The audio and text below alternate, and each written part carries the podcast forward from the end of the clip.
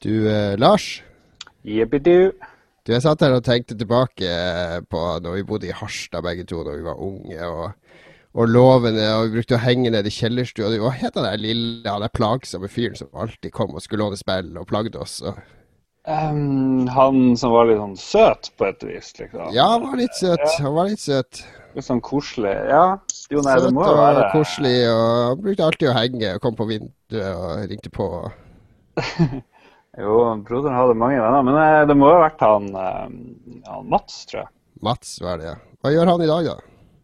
Eh, Si det. Han, jeg hørte han reiste til USA og var sånn mannlig stripper en stund. Men så angra han seg. Det gikk litt dårlig, og så kom han tilbake til Norge. Jeg tror han er på Nordsjøen eller et eller annet. Men hva skal han gjøre i kveld? Da er han med oss, tror jeg, ja. Woohoo!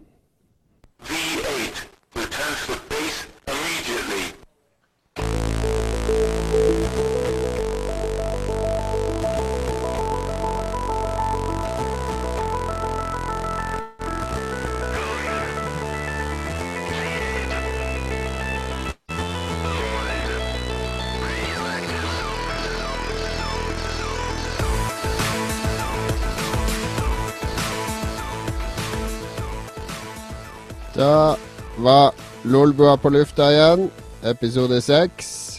Det føles som det er kjempelenge siden sist, Lars. fordi Forrige gang så spilte vi inn på en mandag, og nå er det en onsdag. Så det er jo ni dager siden. Er det derfor jeg tenkte på det? At det var, kanskje det var fordi det hadde skjedd så mye spennende i livene våre. Men det... Ja, det òg. Har du rukket å savne deg bitte litt, faktisk. Det skal jeg innrømme. ja, men bra. Det er godt å se deg, Jon. Det er ny uke, Lolbua episode seks, er det det vi er på? Vi er oppe i seks allerede. Vi er oppe i seks, og eh, som vanlig eh, vår eh, tekniske sjef og eh, leder, eh, også kalt Norges mest populære spilljournalist, Jon Cato Lorentzen. Og som vi eh, hentyda til i introen, så har vi en eh, special guest. En som er, eh, som er jeg vet ikke, er min favorittgjest allerede, uten å, ha sagt et eneste ord, faktisk. Det, jeg har tenkt at Mats burde være egentlig den tredje programlederen her, men vi får, vi får ta det som en audition. Så hvis ikke du blir programleder med en gang, så betyr det at du har feila vilt. Det, vi får si det sånn. Det er super-audition. Det betyr at når se- sendinga i dag er ferdig, så ikke ta kontakt med oss på Facebook. Vi, vi kontakter det. Men uh, ja, rett fra Nordsjøen uh, kommer han nå, og hadde egentlig sagt at han ikke hadde tid å være med det der med og det, så vi har jo egentlig planlagt å ha en sånn kosekveld uh, alene hjemme, egentlig, i Lolbua. Ja, Vi hadde tenkt å kjøre i bare overkropp, bare oss to. Sånn special treat. Men så kom Mats, og da Det var veldig hyggelig at du kunne bli med, i hvert fall, Mats. Velkommen skal du være. Tusen takk. tusen takk. Hyggelig å være Hvor, her. hvor i landet er du sett? Nå sitter jeg i Trondheim, der jeg bor. Da er vi ganske spredd sånn likt. Da har vi liksom Ja. eh, Oslo, og så Trondheim, og så Harstad. Det er, eh, Oh yes. Da har vi dekt, dekt hele landet så godt som det er mulig. Lockdown. Mm. Har du kom hjem, eh, kom hjem i dag, til, i dag tidlig. Skulle egentlig komme i kveld. Det var derfor jeg sa nei at jeg ikke kunne først. Har du, Når så dere hverandre sist, da? Det, det er noen år siden. Var du i, Det- var du i 30-årsdagen til Lars i Oslo? Nei. Nei, det- da, da er det, det da er det Skikkelig før, lenge siden. før 9-11, faktisk. Ja.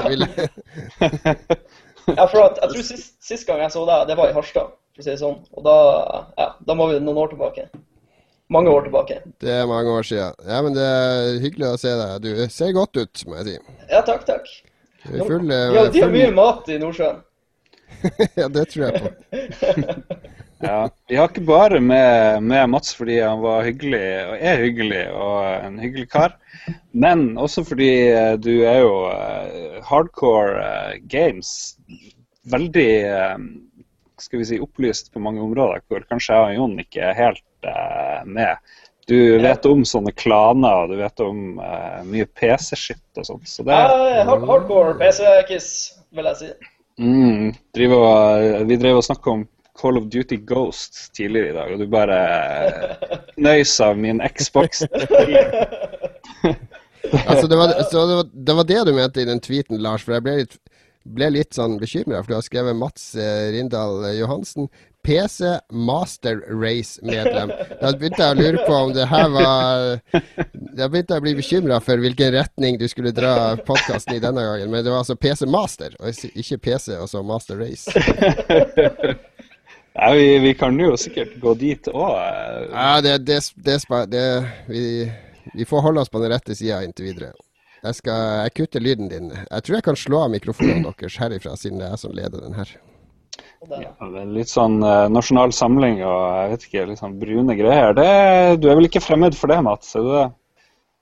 Nei, altså, vi følger med på nyhetene og Nei, faen. Kutt! Spol tilbake. Vi går videre. Vi går videre. Ting vi har gjort i det siste. Vi kjører rett i gang. Vi har masse vi skal gå innom i dag. Vi må, vi må Eh, prøve å ikke være så lang som sist. Da var vi Ja. verdensrekordlang. Jeg skal ta styringa. Lars, du har flytta nå. Jeg ser du sitter jo i flotte, fine omgivelser. Er er hvor er du hen nå? Er du i nye Ser du ikke kjellerstua? Det det er i den gamle kjellerstua. Ja, Ja, ja, ja. Den ser litt rar ut, fordi eh, PC-en her er stilt innerst mot veggen. og eh, ja, Jeg klarer sjøl ikke å kjenne igjen det her, men uh, her nede har vi sittet og spilt Gabriel Knight og uh, rollespill og ditten datten. Mye, mye moro derifra. Så du er hjemme i, i kjelleren i barndomshjemmet ditt nå? Jepp, det er herlig. Det, kjennes enda ut som jeg er på ferie. Ikke at jeg Men du har flytta, du har begynt i ny jobb. Hvordan har eh, første, første uka di vært nå i Harstad og ny jobb? Den har vært overraskende bra. Jeg var jo eh, Jeg trodde jo det skulle bli bra, men da jeg ble ansatt, så var det sånn Kom nå nedover og begynn å jobbe her. Vi skal, vi skal finne arbeidsoppgaver når du havner. Og jeg tenkte eh, kanskje det var litt, eh, litt ullent, så jeg prøvde å pushe og få litt mer eh, kjøtt på beinet. Og da sa de OK, da. eh, Vi må bli bedre på levende bilder og, og nett og sosiale medier og sånt. Og det, det er egentlig det jeg har fått gjort. Stort sett. er du blitt en sosiale medier-ekspert? Jeg skulle gjerne sagt ja, men eh, det ser jo ut som de vil at jeg skal bli det, i hvert fall. Så eh, nå har jeg tvitra og Ja. Facebooka litt. eh, begynt med det små, for de har vært Jeg jobber da i Harstad Tine, for de som lurte på det. I Harstad flytta fra Alta og Altaposten, som er litt lenger eh, sivilisert. mer siviliserte strøk. Så ja. Det er lagt ut videoting i dag og prøver å lære Final Cut. Og det er veldig gøy. Veldig morsomt. Og Prøve å lære final cut, det er jo bare å lære det. ja, men det er jo noe drit. Det er jo- vanskelig å lære nye ting. De, eh, altså, jeg, jeg, Aftenposten ville jo at jeg skulle lage videoer for de, så sier jeg det har jeg aldri gjort før. Så sier jeg ja, men vi kjøper deg Final Cut, så bare lager du videoer. Da sier jeg jo, Mm. jeg trenger noe sånn kurs og sånn. Fikk jeg link til noen sånne videoer på nettet jeg kunne se, da. Så da, da, var, jeg, da var jeg ferdig utlært. Det er litt det samme her. Ja, YouTube er bra. YouTube, uh, how to Ja, nei, men det er jo eh, det er, det er en del ting å lære seg, men det er veldig gøy å lage video når man får det til.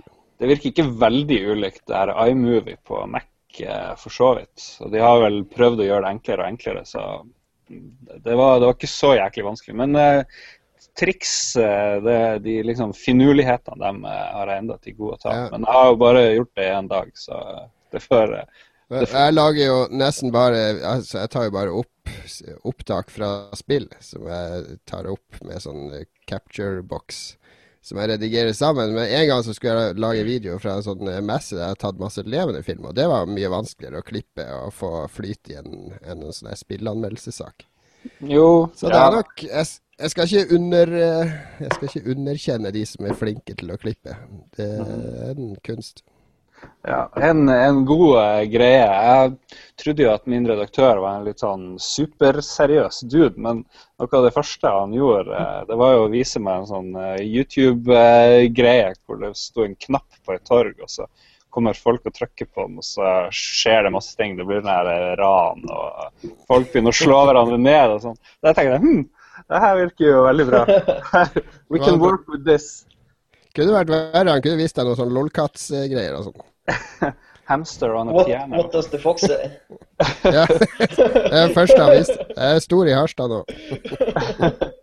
Sånn Ja. her går, jævlig artig video. Vi Ja. tenkte å lage en egen versjon for Harstad-tidene.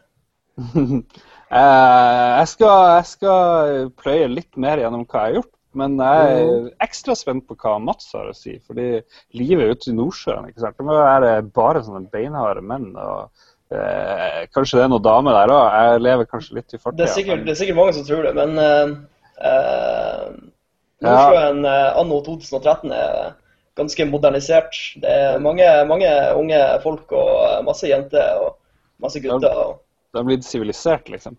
Det er stort sett, eh, det er stort sett eh, drilling og sånn som er barske karer. Alle de andre er slappe, dvaske folk. Akkurat Nei, sånn som ikke spoil. Men uh, før jeg gir fra meg videre stafettpinnen, så uh, må jeg fortelle om en morsom ting som skjedde på tur da jeg kjørte de 57 milene, eller hva det var, som man må ned fra Finnmark til Harstad. fordi eh, Vanligvis så brukte det å skje noe med bilen min når jeg nærmer meg en plass som heter Storslett. Du kjører ned fra et høyt fjell på jeg vet ikke, 900 meter, eller hva det er, hvor det bestandig er snestorm. Og det var det ikke nå. Det var helt greit.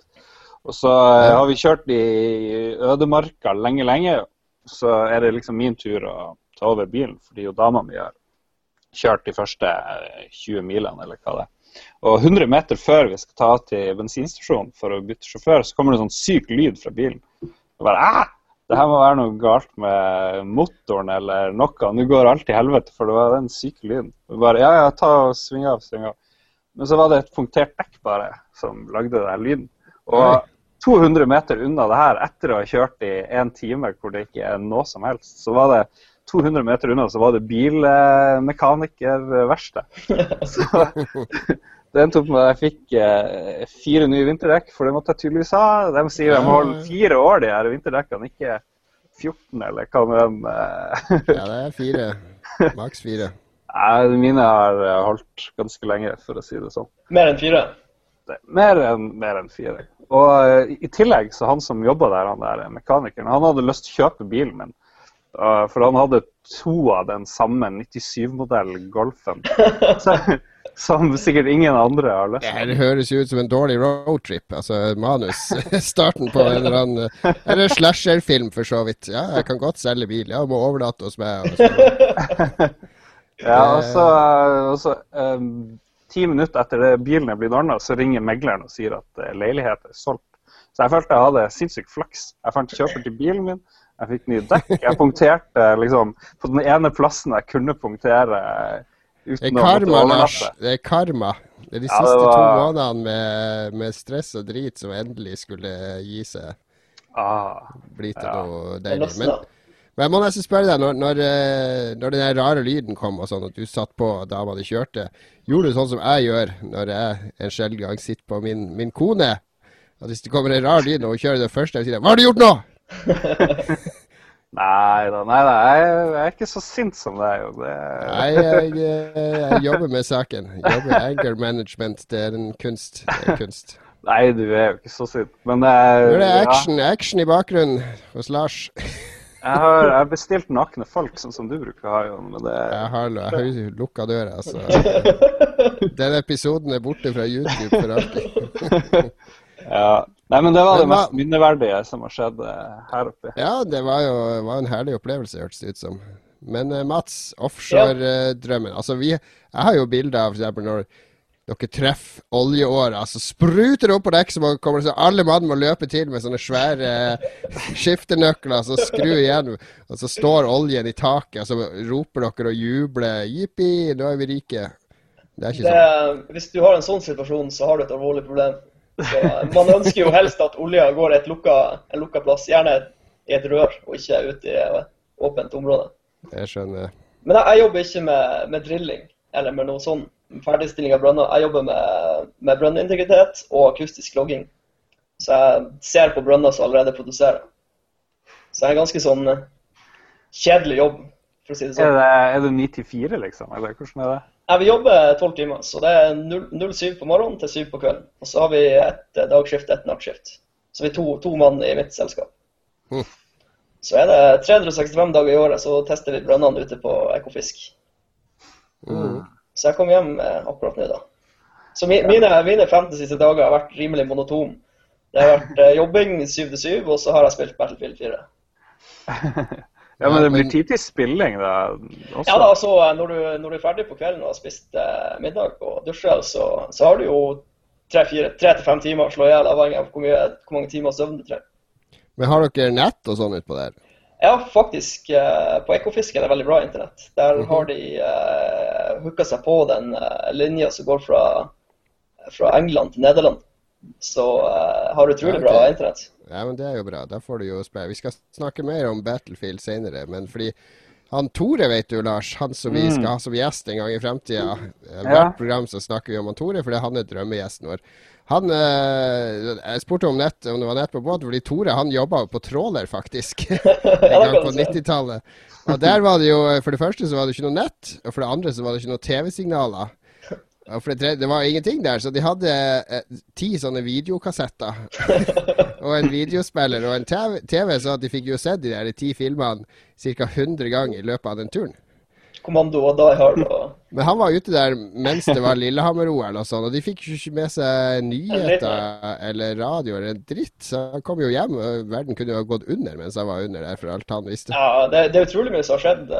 Så nå å jobbe i offshore 2013 på en moderne installasjon, det er ikke så, så lange avstander som det var før, med, når du har internett og Skype og alle har en egen lugar med laptop hvor de kan sitte og bare trykke. og Du kan bestille varer fra Amazon, så kommer det sånn Amazon-helikopter og dropper Nesten. Kanskje om fem år. Vi får satse på det. Uh, nå, ja, min siste uke Jeg har, uh, jeg har det, Til helga skal det være noe som heter Spillekspo her i Oslo, i Lillestrøm. Som er en stor spillmesse der du kan spille PlayStation 4 og Xbox One. Og så har jeg, fikk jeg oppdrag fra de da, de lurte på om jeg kunne lage som program til hovedscenen. Lørdag, fredag, lørdag, søndag med litt paneldebatter og spillpresentasjoner og sånn. Så det har jeg egentlig jobba med et par måneder, men nå den siste uka så har det blitt ekstremt mye jobb for å få alt på plass. For nå er det jo ja, det er jo morgen den messa åpner. Så det egentlig har nesten all tida mi gått med til det. Eh, men det har blitt bra. Det har fått til eh, eh, Vi skal ha en paneldebatt om eh, fremtiden for spilljournalistikk på fredag. Og så har jeg fått mange av de kuleste eh, norske spillutviklerne inn i paneldebatt på lørdagen. Og så kommer det en dude og skal spille Dark Souls 2 på scenen. Eh, kommer det en fra Dice og skal snakke om Battlefield. Og så kommer det en fra Guerrilla, det studio i Nederland, som skal vise og snakke om Killzone. Killzone Eh. her og der. Ja. Eh, De, er, eh, de der eh, Hva de heter Guerrilla Games? De er jo de kjedeligste til å snakke om spillene sine. De er jo de er veldig ekstremt sånn teknisk fokusert. Da. De, de burde jo egentlig lage Det virker som det er sånn demokarer hele gjengen som bare skal tyne maskinen for noe. Men, Mm. Men det, kommer ikke sånn typisk i starten av en konsoll Altså levetid til konsoll? Sånn som nå med Killzone er vel en uh, lanseringstittel? Ja, det er jo en av, det jo en av to lanseringstitler. Ja, ok. Så nei, men det, nei, det har ikke typisk vært sånn lanseringstittel. Det var vel det på treeren òg, kanskje. Ja, jeg husker ikke, jeg mener kanskje bare det var noe sånt. Ja, nei, men det er i hvert fall veldig viktig, og det spillet ser jo utrolig lekkert ut, da, men uh, det forrige Killzone-spillet var ganske kjedelig. Så vi får se. Og det på Vita var jo kjempekjedelig. Ja, det, det Ja, jeg skal ikke si noe. Men det, ja, de, var, de er litt sjarmløse, så jeg håper det har skjedd noe nå. Men jeg gleder meg til å spille det, fordi jeg er jo litt grafikkhore. Det Ja, og det er en ny, eh, en ny director bak det nye spillet. Han har tatt det ut fra den vanlige historien, som det foregår i en helt Altså Hvis du har sett det, du har sikkert sett den traileren. Det virker mye mer som en sånn Sånn Star Wars-by, altså sånn science fiction-by, enn de grå slagmarkene som har vært i alle de tidligere spillene. Så jeg har, har trua. Krysser fingrene. Ja. Nei, men eh, du sier det skal begynne i overmorgen, men for de som ikke hører på det akkurat nå live, når starter det? Fredag. Begynner fredag 8. november ute i Lillestrøm. Eh, koster vel 185 kroner, tror jeg, for eh, dagspass. 300 nå for et ukespass. Får du lønn fra det her? Jeg får jo honorar for det jeg gjør, for jeg er jo konferansier òg hele Så det her er kjøpt og betalt. Ja, det er uh, Skal vi se, jeg må prate i ett minutt til, har jeg avtalt med de om. Skal vi se. Nei da, det er et oppdrag jeg har gjort for dem. Men jeg har hatt full frihet til å sette opp det sceneprogrammet sjøl, så derfor har jeg fått til litt av de kule debattene. Mm. Bra. Hvilken tur uh, fra Dice er det som kommer? Hvordan, vet du hvordan stillingen er innen Nei, han heter, eh, Jeg kjenner han godt fra før. Han heter Martin Lindell, men han har bare jobba der et par år. Men han eh, er, er sånn producer-type, så han er ikke, er ikke teknisk eh, Han lager ikke spill, for å si det sånn. Men Nei, han, men han, han styrer retninga. og- ja, og han er en veldig oppegående fyr. Han har eh, vært i bransjen siden 90-tallet, så jeg jobba med han et par år når han var redaktør i et bransjeblad. Mm. Var det han som lurte deg til eh, utrykningslaget ditt en gang for lenge siden? Nei, det var en annen av de svenske sjefene mine. Men, okay. Martin Lindell, han, eh, vi var på E3 i lag for mange år siden, og han, tok meg med på eh, Han skulle absolutt eh, gå på Han var veldig opptatt av indie-rock og sånn, da. Så han skal absolutt gå på noen konserter på Whisky a Go-Go, da, som jo er den legenda en av de legendariske barene på Sunset. Der uh, alt har jo spilt der. Kiss og Black Sabbath og alt mulig. Det, var, det er sånn, det er sånn so what-type utested. Et sted som vi hang på i Oslo på 90-tallet. Og det var veldig kult å dra dit. Jeg er veldig glad for at han tok meg med dit. Og det stedet er jo med i GTA5 òg, det heter jo Teki, Teki Lala. Det er sånn utested du kan kjøpe. Det er vel et oppdrag òg der du er inne der og banker opp en av de her eh, Longfist-folkene. Så, så det var et kult sted å besøke. Så eh, takknemlig for det. Mm. Um, du har uh, skrytt av at du har lest en bok igjen. Ja, jeg har, jeg har ikke skrytt av det. Jeg har bare skrevet det opp i sendeskjema. Jeg husker ikke hva forfatteren het, men denne boka heter The Circle, i hvert fall. Og den foregår i eh, San Francisco, i Silicon Valley, handler om et sånn eh, IT-selskap som eh, Altså, det er som Facebook og Google og Twitter og Amazon og Apple skulle vært ett og samme selskap. Mm. Eh, som da får sånn all makt over internett og eh, overvåking og etter hvert demokrati og sånn, da. Det, det er litt eh, Det er litt sånn dårlig skrevet bok. Det er litt sånn kjedelig skrevet, men det er, det er sånn der Brave New World-satire som egentlig tenker Oi, for et marerittsamfunn. Men så, så er det jo faktisk vårt eget samfunn han beskriver til tider. Det er veldig eh, satirisk, spesielt morsomt det der med at eh, hun som begynner i det her drømmeselskapet, det er jo drømmen hennes å jobbe der. ikke sant? Det er jo drømmen til en million IT-folk å jobbe i Google osv. Og når hun endelig får jobb der, sant, så har hun arbeidsoppgaver, og så får hun beskjed om at hun må delta på sånne sosiale happenings. og Det er veldig viktig å like ting som andre gjør på det der eh, Facebook-varianten, og kommentere, og du får sånn rangering etter hvor mye du liker og tweeter og retweeter og alt mulig sånn. Så det, det blir sånn marerittsamfunn der du hele tida må late som du er interessert i hva alle andre gjør. Og, og ja, jeg ble i hvert fall sånn halvveis eh, i den boka, så vurderte jeg å droppe Facebook og Twitter og alt. Jeg skulle, jeg skulle si det høres ut som Facebook per i dag. ja, men det, det gjorde inntrykk på meg. Han tar det veldig på kornet. Også hele den der uh, Silicon Valley-kulturen som egentlig er litt sånn uh, ekstremt sånn overfladisk og råtten. Han kjører jo på i den boka med økologisk mat og vegetarianere og alt som er sånn hipt og trendy og sånn. Det skal Ja. Nei, det er en kul bok. Det heter The Circle. Jeg skal skrive både forfatter og navn på, på en Mm. av oss.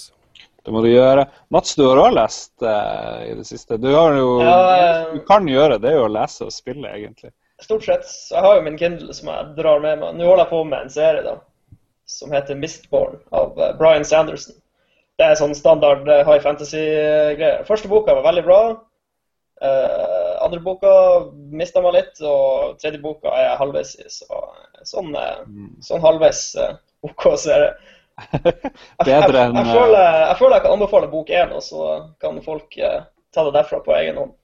Det er bedre enn Malazan Book of the Fallen. eh, Det, det, er, det er veldig mer sånn simplistisk og Ja. Jeg tror det var du som uh, anbefalte meg den serien. Det var jo et mareritt å komme seg gjennom. Det var jo sånn Ja, altså, først, ti bøker er, med 600 sider på alle. første boka i Malazan er, er nesten som man bør Hvis man skal anbefale serien, si ikke les bok én, begynn på bok to. For Ja. første boka er faktisk helt eh, vanvittig der. Ja. Men nå må jeg stoppe litteraturboet. Nå begynner vi å gå over tidsskjema. Nå har jeg laga både sendeskjema og tidsskjema, Lars. Jeg tror det er på tide med en fast spalte, nemlig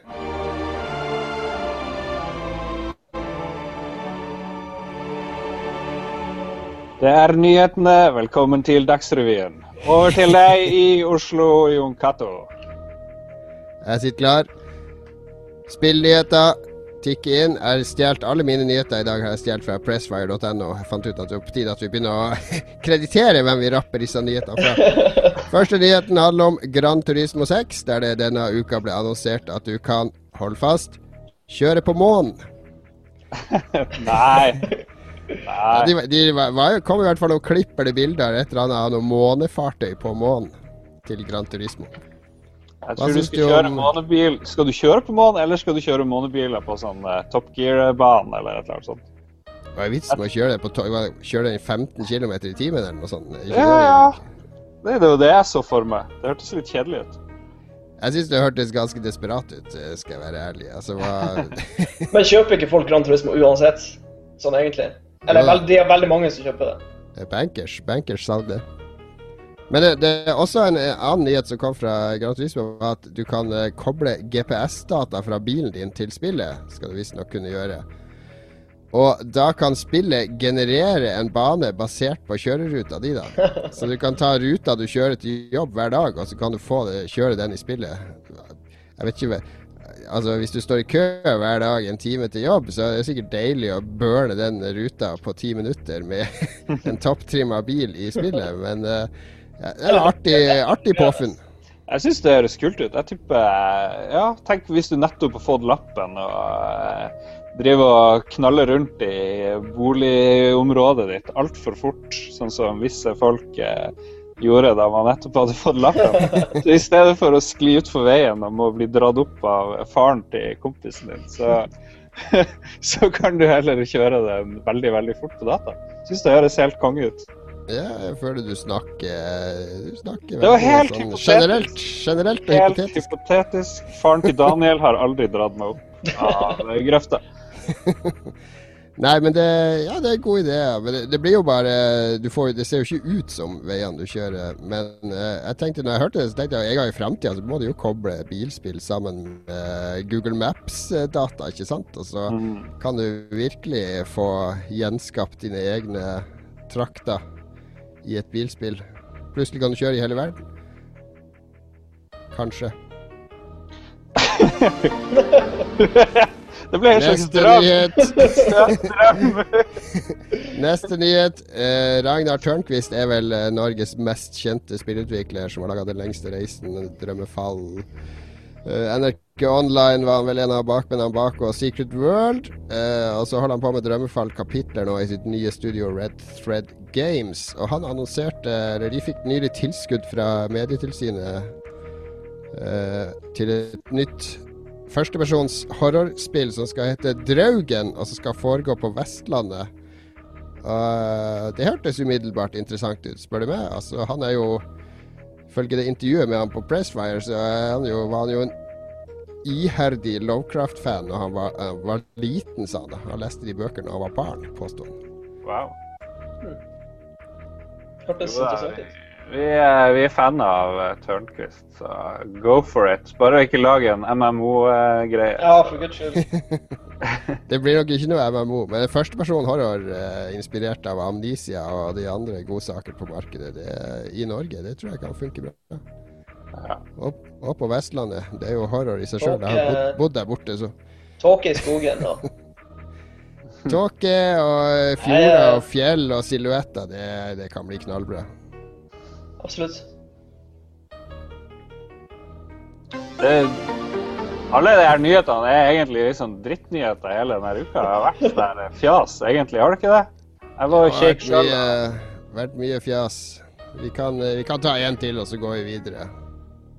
Greit? Jeg skulle ikke unnskyld, jeg skulle ikke drive disse nyhetene dine. Nei, nei, nei. nei Jeg er veldig fornøyd med presentasjonen. Jeg føler du er, du er klar for Dagsrevyen, egentlig. Det er jo, jeg ser jo på det her som en eneste stor CV. Jo, det gjør jo vi alle. Det her er for pengene. Pengene, pengene.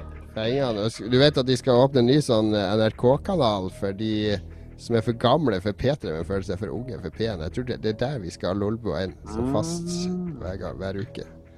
Det starter i januar, så det her er egentlig bare en stor søknad. Ja, vi må spille mer dårlig musikk. Det er det vi må gjøre. Så kommer vi på radio. Vi må nok det. Skal vi ta en siste nyhet? Uh, b, b, Swapnote. Vet dere hva Swapnote er?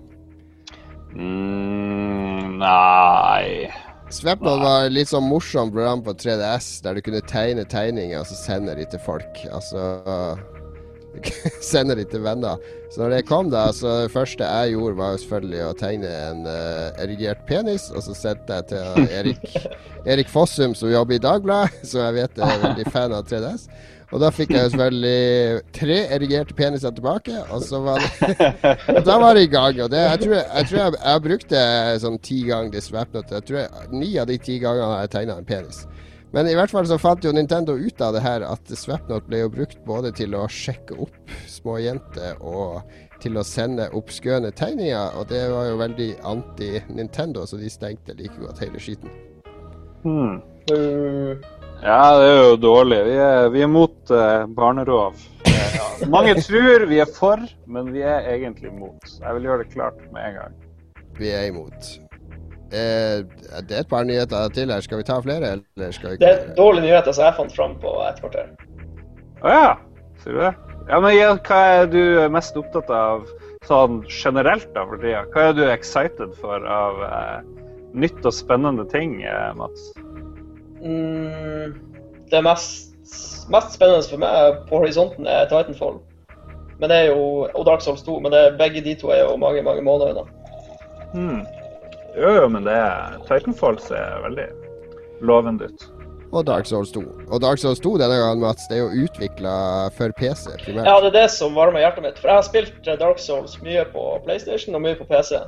Og Mm. med- med litt arbeid så kan du faktisk få det veldig bra på PC. Du kan få Ja, men- 60 60 FPS, og hvis du har en kontroller, så er det faktisk utrolig behagelig å spille det på PC. Ja, ja, det er det jeg har skjønt. Nei, det blir nok bra på PC denne gangen. Jeg gleder meg til å spille det på PC.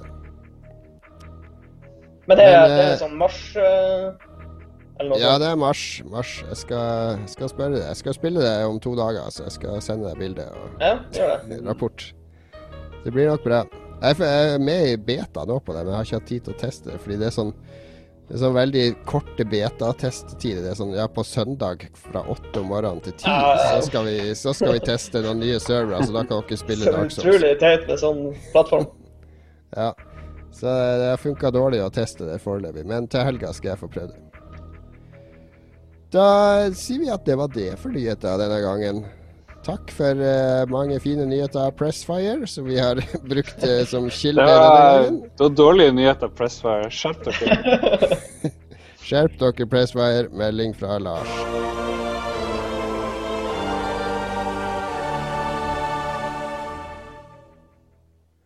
Spørsmål fra lyttere. Henrik Elman. Han tror ikke jeg har sendt oss spørsmål før. Nei, hallo, Henrik.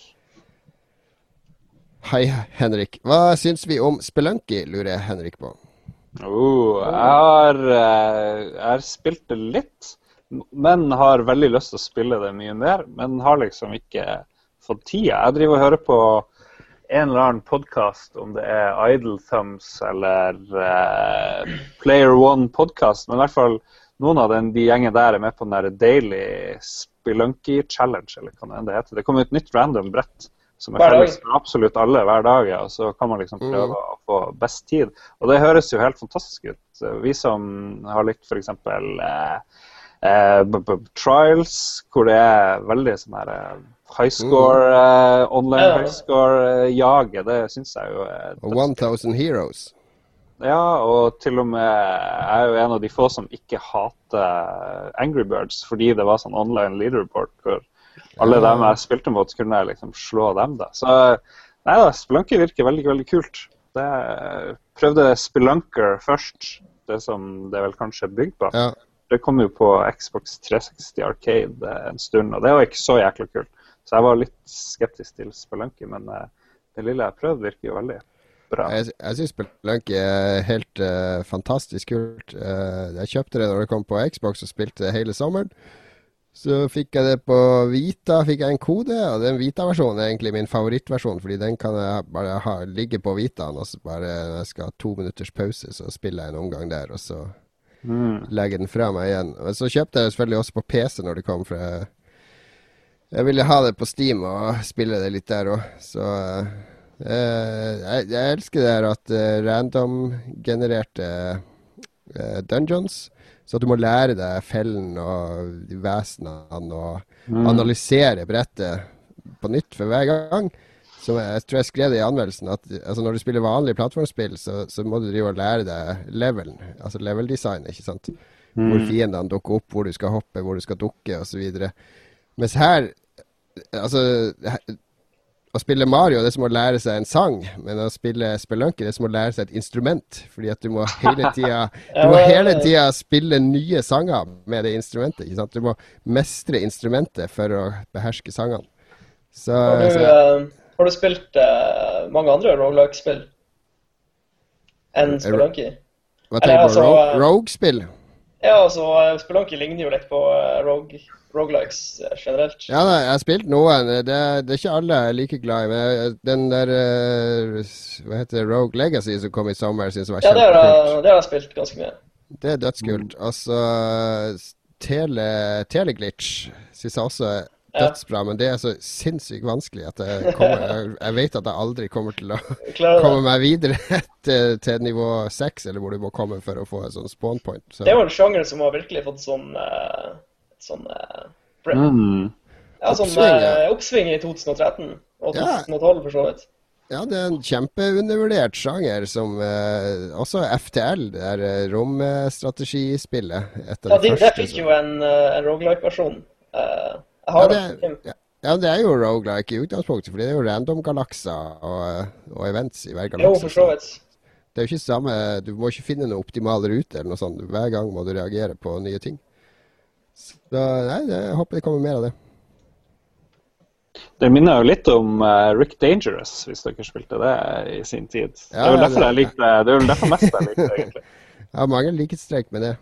Ja, veldig brutalt. Uh, utilgivende spill. Enig med det. Vår eh, kanskje mest trofaste lytter som har vært med oss, han var den første som sendte oss eh, spørsmål. Det var vel han Jan Christian Hegel. Han, eh, han har sendt oss spørsmål nok en gang. Det setter vi veldig pris på, Jan Christian. Takk skal du ha.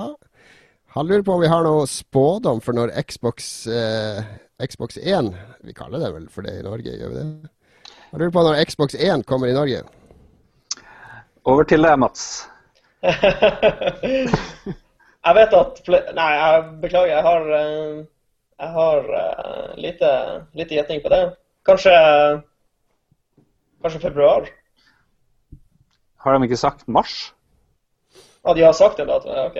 Jeg vet ikke, Siden Titanfall kommer da, så er det jo Jeg tror de gjerne vil ha den ut i mars. Jeg tipper mars. Jeg tror det som holder den tilbake, det er det dumme språket. At de må ha eh, sånn norsk Kinect-støtte. Ja, det Og jeg tror, den kommer, jeg tror den kommer med sånn bokmål-norsk-støtte, for jeg tror ikke de klarer alle de dialektene. Det kommer de aldri til å klare. Så Så alle, alle som ikke bor i Oslo, må skru det av uansett. ja, du må si sånn Xbox. Xbox på. Det er som eh, skotske folk som ikke kan bruke eh, engelsk eh, voice, voice Ja, men det, det blir jo sånn. Spesielt her i Norge. Herregud, vi er fem millioner mennesker. Vi, og vi prater jo så vidt at vi forstår hverandre fra nord til sjø, vi som bor her. Så det Nei, det, jeg tipper mars. Jeg tipper de må få den ut samtidig med Titanfall. De kan ikke slippe Titanfall til PC og Xbox 360 og ikke ha flaggskip eh, med maskin. Da Nei, få den ut til mars, eller så, eller så eh, er det Ja. dommedag. Nei, det har ikke noe å si om det er januar, februar eller eh, whatever. Den er så forsinka fra før av, så da kan vi like gjerne vente til, til Ja. Altså, Fordelen til Microsoft er jo at det kommer jo helt sikkert en sånn eh, Det er uunngåelig etter du har lansert en konsoll, at det blir en spilltørke etterpå. Det kommer en sånn PlayStation-spilltørke fram til sommeren, høsten. Og når Xbox One da kommer i den spilltørka med et par kule spill, så er jo alle de som kjøpte PlayStation ut til jul, de vil jo være frista til å kjøpe den. Så det er jo ikke, ikke noe ulempe å komme litt etter. Ja. Nei, men uh, jeg trekker min spådom. Jeg sier at Xbox 1 lanseres i 2016. Yes. enig med deg. Jeg slår meg sammen med Lars. De, de, går, 2016. eh, de går rett til slim-versjonen. Ja, de venter. De skal ha nynorskstøtten klar for Kinect før de slipper det. Så vi er nynorsk som spolerer for eh, Xbox 1-lanseringa i Norge. Vi, de, vi, skal ikke lansere Xbox 1 før vi også kan lansere Xbox 1. Det, det og offisiell linje fra Microsoft. Thomas Heger han var gjest forrige gang, vår eh, nyhetshund som eh, har aldri hatt så mye nyheter som da han var med. Han lurer på hva årsaken er til at norsk spillindustri ikke blomstrer i samme skala som svenskene og danskene. Det er jo på ett vis et spørsmål som kan besvares på mange måter. Jeg har sikkert ikke noen av de rette, men jeg tenker på eh, Folketall er én ting. Det er kanskje en veldig viktig ting. Vi Men er så jo omtrent like mange som i Danmark, da. Ja, er vi det? Er vi Ja, det? Hvor mange er det i Danmark? Det er litt over fem mil. Er det ikke mer enn det? Jeg. Finland.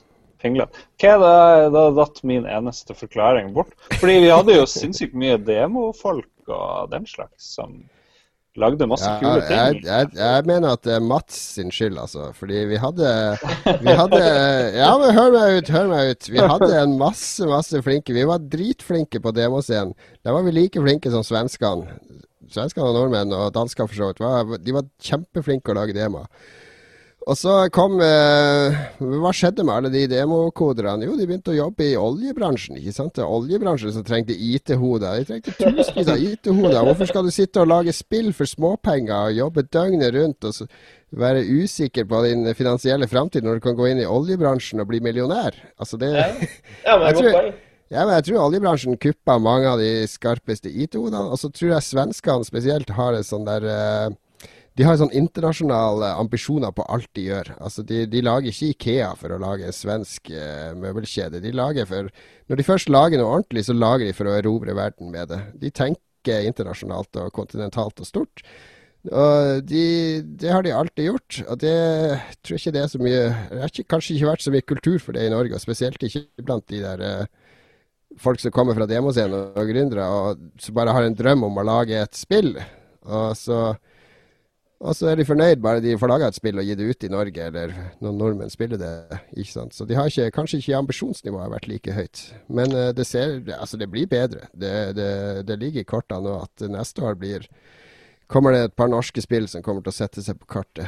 Men ikke, ikke, ikke sånn Battlefield-størrelse. Altså, Men jeg vet ikke om, om, det, om det er noe tilfelle av at uh, norske spillutviklertalenter uh, får seg jobb i utlandet og ender opp i, eh, i internasjonale firmaer. Er det noe tilfelle? Ja, det veldig mange i utlandet. Det er mange nordmenn i Dice f.eks. Og det er nordmenn i no Naughty Dog og EA og overalt som har uh, At, slått seg opp og fram. eh, at andre land kom over en så liten kneik, mens Norge aldri kom seg over den. Derfor dro talentene til, til store firmaer for å få lagd eh, trippel A-spill. Ja, Jeg tror, alle ble ansatt i Funcom, og så har de enten tatt, de har enten tatt livet sitt eller skjønt at det der var Jo, helt latterlig. det der er ikke helt på jordet heller, Lars. Fordi når jeg, På 90-tallet da jeg gikk på Blindern, så det var to stykker jeg kjente som studerte informatikk der, som droppa ut for å begynne i Funcom. Fordi de var, de var ganske flinke å programmere. De hadde programmert demoer og sånn, og så kjente de noen som jobba i Funcom. og da, Det var liksom eh, Vil du jobbe hos oss? Det var ikke noe mer enn det. Det var nesten ikke jobbintervju hvis du kunne kode litt. Og så kom du inn i Funcom, og så ble de sittende og lage konvertere Pocahontas til Megadrive. og Funcom, Funcom gjorde mange sånne der konverteringsjobber mellom formater og sånne drittjobber. Så det er klart at de kom inn der og trodde de skulle lage spill, og så ble de sittende og gjøre en masse møkkajobber. Kanskje da, er, det her spillbransjen det er ikke noe for meg, tenkte de da. Så det kan jo være at Funcom eh, spiste opp og tygde ut noen som ga seg veldig fort. Det er ikke umulig. Nei, det, altså, Funcom, eh, Funcom var jo en gigant på den tida de lagde Edge of Conan. Så, eh, og så Ja. gikk det jo ikke så bra med Edge of Conan, så det, jeg tipper det kunne ha brent ut jævlig mange folk. Ja, det det er jo ganske nylig. Men Jon, du kjente jo mange flere som studerte IT enn de der to som eh, fort til Funcom. Du kjente jo mange som satt og brukte hele dagen på å spille X-pilot og eh, sånne ting. Ja, Ja Jeg tok- ja. Jeg tok jo eh, informatikk på Blindern, husker jeg. Men det eh, Jeg husker dagen da det var eksamen, så satt jeg og smatta litt og tenkte at det her kommer ikke til å gå bra uansett. Jeg tror jeg, tror jeg går på mudden i dag òg. Ja, nei, det, det er en annen historie til, en annen, til et annet program, Lars. Martin eh, Herfjord, jeg tror ikke han har sendt oss spørsmål før. Hvis han har det, så får han ha meg unnskyldt for min dårlige hukommelse. Lurer på om vi kan anbefale noen ikke-digitale spill? Brettspill eller kortspill? Mm. Det kan vi jo absolutt. Det, jo, det, er så mange, det er så mange at det blir problemer å finne ut hva vi skal anbefale. Jeg jeg er blitt veldig gira på sånne spill i det siste. Det kuleste jeg har spilt i år, er det som heter Twilight Struggle. Som er et strategispill for to personer som, eh, der du spiller hele den kalde krigen, da, med spionasje og events. Masse events fra, fra virkeligheten, da, med at CIA blir oppretta, og Castro og og det, det er atomkappløp, og det er månekappløp, og det er uh, utrolig sånn omfattende spill, men veldig fokusert. Så det er uh, Det ligger på topp. veldig glad i, eh, du må være veldig glad i å gnukke mye og bruke sinnssykt Ja, det, det er det høyest rangerte spillet på Board Game Geek. Pluss at han ene designeren er vel han ene designeren på XCOM-spillene. De, ikke det der drittspillet som kom i år, men strategispillet i fjor. Mm. Så eh, det er genialt. Eh, Netrunner, kortspillet har vi vel prata om her før. Det er det mest briljante kortspillet jeg har sett de siste årene. Eh, så de to vil jeg absolutt anbefale. Det, det er toplayerspill begge to, da, men det er toplayer som er inn nå i brettspillverden. Ja, jeg skal komme med ett tips, og det er jo det beste, dagens beste tips. Cards Against Humanity. Utrolig bra. Det er morsomt. Men det er sånn spill du må drikke mens du spiller. Ja, det Det er så- gjør, så- gjør så dårlig edru. Det er ikke så gøy å spille til kirkekaffen, er det det, Lars? Jeg tror jeg mista Lars. Jeg tror uh, Lars ser veldig som et stillbilde. Vi fortsetter, han kommer sikkert tilbake. Jeg kan komme med en anbefaling. Kom igjen. Eh, Et spill jeg har spilt med noen eh, i sommer, og eh, som jeg kjøpte sjøl òg, for jeg syns det var litt morsomt. Eh, det heter Arkham Horror. Mm. Eh, Det er jo eh, et brettspill av type ganske avansert. Det er en regelbok du må gå gjennom først. Det er mange Det er et stort brett, og det er mye som skjer. Eh, kort forklart, eh, det er basert på HP Lovecraft sitt univers, eh, of Mhm. Cthulhu. Eh, spillet tar eh, plass i Arkham, eh, og alle du blir gitt en, en tilfeldig investigator som du skal lose, lose gjennom eventyret. da. Eh, og så er det, det er et, eh, et sånn Coop-spill, hvis du kan kalle det det. Du, du spiller ikke mot uh, vennene dine, du spiller med vennene mot et monster. da. Mhm. Så veldig smule avansert, men, uh, men mye, mange timer med, med artigheter i det. Ja, er det det Fins ikke det på, på sånn iPad-versjon òg? Jeg har spilt et, et sånn Er det sånn at det kommer sånne gater, så må du gå Ja. og lukke de? Ja, yes. Det sånn terninger med forskjellige symboler på. Ja. Eller ja, du bruker bare vanlige terninger i brettspillvarianten, men nå har ikke jeg spilt iPad-varianten. Ja, OK. ok. Ja, nei, det, det er kjempekult, det. Uh, en side jeg bruker Jeg bruker en nettside for å uh, holde meg litt oppdatert på hva som skjer, for det skjer ekstremt mye på brettspill nå.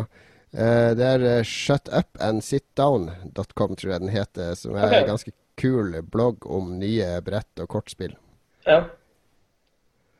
Anbefales. Så- Er det ei sånn ressursside hvor du kan eh, lese om de og Ja, du kan lese om det. er veldig sånn subjektive blogger, men det er det jeg liker. De er, de er veldig eh, personlige når de skriver det. Det er ikke sånn oppramsing av regler og eh, veldig detaljrikt om spillene, men det er sånn hvis de syns et spill er dritkult, så skjønner du liksom hvorfor de digger det spillet, og hvorfor jeg kommer til å digge det.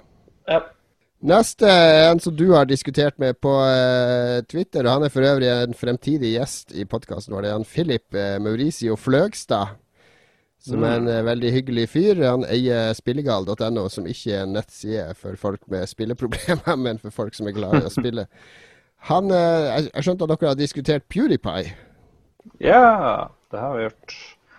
Han skjønte ikke helt greia, og sendte vel ut en melding om noen kunne forklare han hva som, hvorfor folk likte han. Og jeg, jeg har jo ikke noe godt svar, men jeg er litt imponert av han, fordi han har absolutt ingen hemninger. Og jeg, jeg syns jo han er morsom å følge med på. det. Eh, gjør mye rare ting, sier mye rare ting. og vi som Jeg er kanskje litt sånn føler at jeg har litt å lære av han, da. At, uh, jeg, jeg vet ikke om jeg har vært Mye å lære av PewDiePie. Nei, men ikke, i hvert fall før i tida så var jeg litt sånn eh, forknytta. Ikke helt å si hva jeg mente. Så jeg tror det er derfor jeg liker at han bare går ja, det, ja, fullstendig en, av eh, Ja, Han er jo en character, da, Lars. Jo, jo, han er jo en character, men du må jo tørre litt for å Altså, PewDiePie, det er sånn det.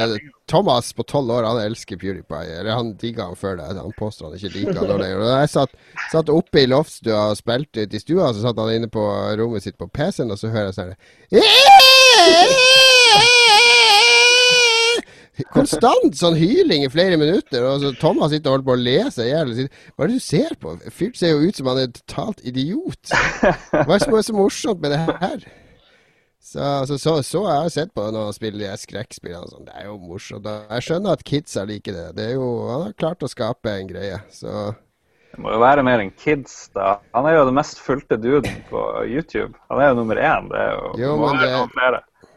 Jo, men kidsa på tolv, de ser jo bare YouTube. De ser jo ikke De får ikke De bruker ikke noe andre type media for å få spille eller se på De ser ikke på TV lenger.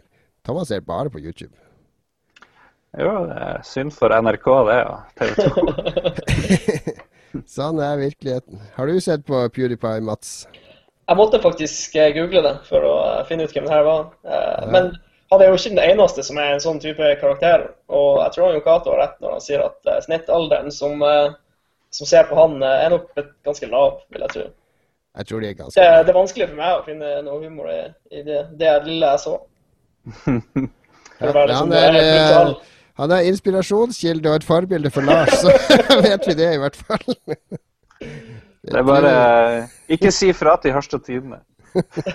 Skal si fra det, det er profilen på videoene i framtida, Harstad Tidende. Reporteren skal være mest mulig hysterisk. Ja. Vi har ett spørsmål igjen fra, fra Erlend, som lurer på uh, hvilket spill vi ville sett en remake-versjon av. Skal vi la gjesten uh, få ta den? Ja, gjerne det. Hmm. Spill remake. Um, da vil jeg spole tilbake til i sommer, Lars. Når vi fikk liv i eh, den Amiga CD32-en. Uh. Jeg, Ja. tror- jeg tror en, eh, en skikkelig eh, bra remake av Moonstone hadde vært kult. ja, jeg er veldig med på det. det eh, vi, hadde, Ikke prinsipp, men eh, ja. Vi hadde en egen retrospalteutgave for noen episoder siden om eh, Moonstone, faktisk. ja Og det var basert på at vi satt og spilte det spillet med, med en, en kontroller som funka delvis, og en som ikke funka oppover. Men det var veldig gøy for det. Ja, det er eh, De som vil vite mer om det spillet, kan eh, bare gå Kan tilbake se, på høre på vår første eller andre podkast. Der er det Moonstone. Mm, Jeg tror det må være andre. Men velger du av Moonstone der, Lars? Nei da, jeg velger det spillet jeg har nevnt veldig mange ganger. Det er sikkert det spillet jeg tenker mest på som nesten ingen har spilt, og det er jo X-Pilot, eh, som er vektorbasert skytespill eh, med gravitasjon og eh, ja. Herregud, herregud så du gjentar deg sjøl. Spille tape fra forrige program. Eh, jeg, jeg tar det Jeg skal gå i noen tverr-trass-modus, for jeg hater remakes. Jeg skjønner ikke vitsen med remakes. Hvorfor Si, si en bra film-remake, Lars, Uh, som var bedre enn originalen. ja, godt spørsmål. Ja, Det nettopp. Det finnes. fins ikke. Det fins ikke. Og spillremakes det er- handler kun om nostalgi. Det handler kun om en sånn der, eh, høylytt fanbase som sitter og maser. Og jeg elska det spillet her da jeg var liten. Skulle ønske jeg kunne spille det med sånn grafikk og lyd og bilde som vi har i dag. Men du kan like godt gå og spille det spillet sånn som det var da, for det er akkurat sånn som det var da. Det er et stykke historie, og det spillet var ment å være sånn som det var da, og ikke oppussa. Mm, men det Så- finnes jo mange gode spillremakes. da. Vi har jo nettopp Windwaker, som selvfølgelig det er Ja, et bra spill gjort på en god måte. Ja, det, det er helt greit. Det, det fungerer som en remake, men jeg, jeg ble veldig glad når jeg så ettertid at Nintendo sa at de kommer ikke til å lage flere remakes fordi de ville bruke ressurser på å lage nye spill. Du vil jo heller lage et spill i dag som du husker om ti år som et genialt spill, enn å gjenskape et ti år gammelt spill så at du kan spille det på nytt. Ikke sant? Jeg vet ikke. Vi, vi skal snakke om Call of Duty Ghost der. Det er jo remake etter remake etter remake. Bruk ressursene på å skape nye spill, ikke på å gjenskape gamle spill. For det handler kun om å tjene penger på nostalgiske eh, fjols, OK? Det er mitt krasse og harde budskap. Ok, men da er mitt motbudskap slutt å lage de samme Call of Duty-ene og de samme gamle spillseriene om og om igjen. Lag heller en remake av en gammel klassiker. Det er jo mye bedre. Jeg kan være enig i det. Lag noe nytt. Det er, det er mitt budskap. Pausemusikk. Er dere klare for eh, tissepause, ølpause, vinpause eller whatever? Ja. Vi kjører pausemusikk. Dere muter mikrofonene deres. Jeg vet ikke hvor dere gjør det i det nye oppsettet til Google Hangout, men uh, finner vel uh... Jeg skjønner ingenting. Ja, jeg kan gjøre det her fra meg. Da eh, kan dere bare slappe av i uh, ca. fem minutter, som eh, den vakre remixen av en Castlevania-låt varer. Vi kan tisse og bæsje hvis vi er raske og hente øl. Så eh, snakkes vi igjen om fem minutter.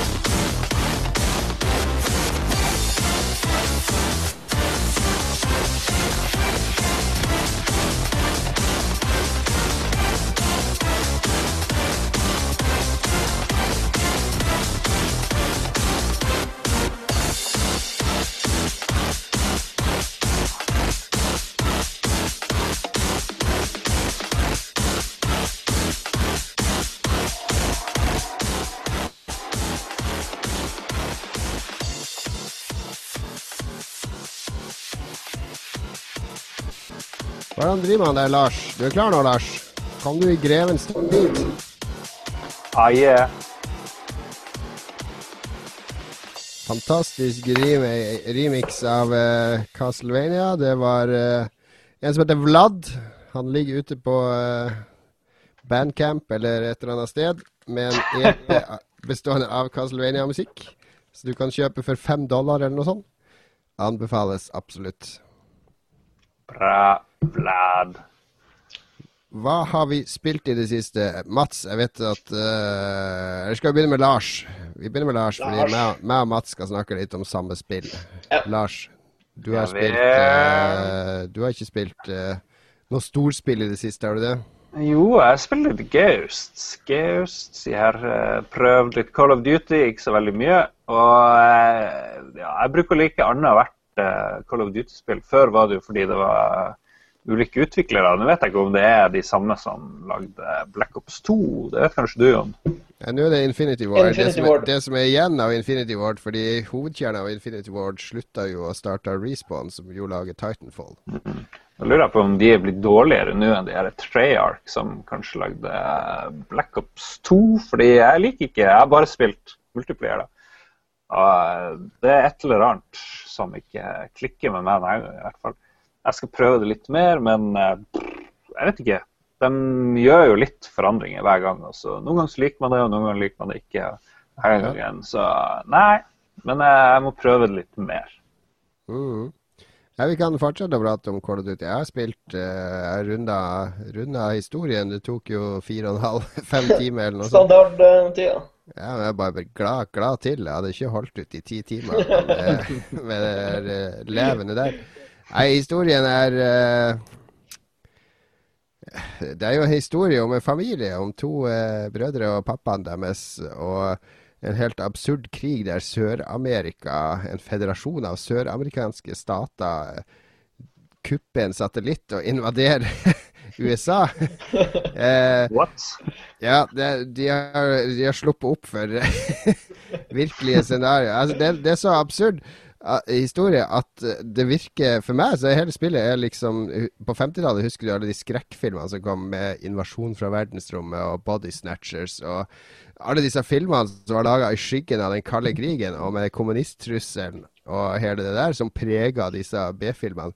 Og det her spillet det preger det er liksom den amerikanske psyken der de, de oppdager at de er i ferd med å ødelegge landet innenfra. De, de har korrupte senatorer og kongress og Obama som de Altså, landet er helt splitta, det er i økonomisk ruin.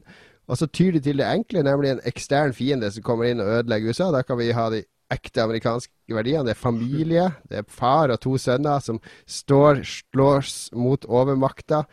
Alt skal løses med militæret. Det er et utrolig sånn maskulint, uh, teit budskap i det spillet. Altså, det, er, det er en sånn eh, amerikanske eh, psyken analyserer det. Så sånn sett så ble jeg ganske imponert av historien. Det er uh, et sånn forvrengt speilbilde på hva forkvakla amerikanere tror skal det le lengte etter i, i det her eh, kompliserte krisa som de befinner seg oppi. Så lengter de etter en enklere krise som de kan slåss seg ut av.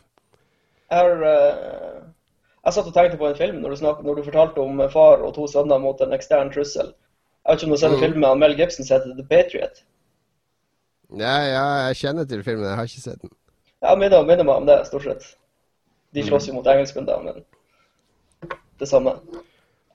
Nei, men det er, det er jo altså det hele den greia med at USA hele tida skal være så trua og så invadert og det er eh, Ja, den historien er helt latterlig. Men uh, multiplayeren som Lars snakker om, jeg syns Og nå problemet mitt er jo Det er jo veldig mange som digger den multiplayeren. Jeg skjønner at multiplayeren i COD er kul fordi den er lettspilt, og hvis du er sliten og kommer hjem fra jobb, så kan du sette deg ned og spille COD og fokusere. og skyte, og det er små kart, og det er action hele tida. Altså, det er ingen steder du kan stå i ro eller gjemme deg. Det, det, det fins jo ikke det. Men jeg spiller jo Battlefield 4, eller 3-eren først, men 4-eren begynte jeg med nå for en uke siden. På PC, og da blir du bortskjemt, fordi da, har du, da kjører du Ferrari, ikke sant? Og så går du tilbake til COD, og det er som å kjøre en Lada. det er det, fordi Battlefield er så omfattende og så komplisert multiplayer, og så mye nyanser og taktikker og måter å spille på at eh, den, den Call of Duty-heseblesende-greia, den gjør ikke det samme for meg, rett og slett. Mm, ja, jeg reagerer litt på uh, motsatt vei. Jeg liker at det går jæklig fort. Og uh, jeg føler litt som Det er som å spille Diablo ikke sant? og et litt dypere rollespill. Du trenger ikke like begge delene. Det ene er å få poeng og poeng og poeng hele tida, fortest mulig. Du dør fort, og du kommer tilbake fort. Og det syns jeg er veldig bra. Jeg liker at det er små kart. Jeg syns de nesten er virker ikke så streamlina kartene denne gangen som i forrige Call of Duty. hvor det var, Jeg syns grafikken òg virker litt mer sånn fucked på det her, her spillet her. Det var litt enklere Duty, linjer. Ja, jeg syns forrige Call of Duty hadde litt renere linjer og litt, uh, litt annen stil på et vis, som tiltalte meg mer enn denne gangen. Ja. Nei, jeg, jeg syns det er skivebom, det her. Er, jeg tror det er kanskje første gang at Call of Duty-salget kommer til å bli redusert fra foregående spill, eh, og at eh, grep må tas. Men eh, Mm. vi får se.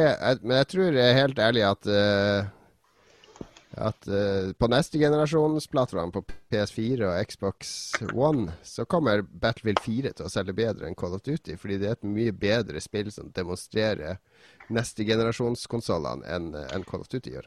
Jeg tror, jeg tror det er en Du sammenligner McDonald's med en litt finere restaurant. Jeg tror ikke det, jeg tror ikke det går an å sammenligne der. Folket vil ha McDonald's. De vil ikke ha den der trerettersmenyen. Vi får se, vi får se. Men det er skuffende spill, i hvert fall.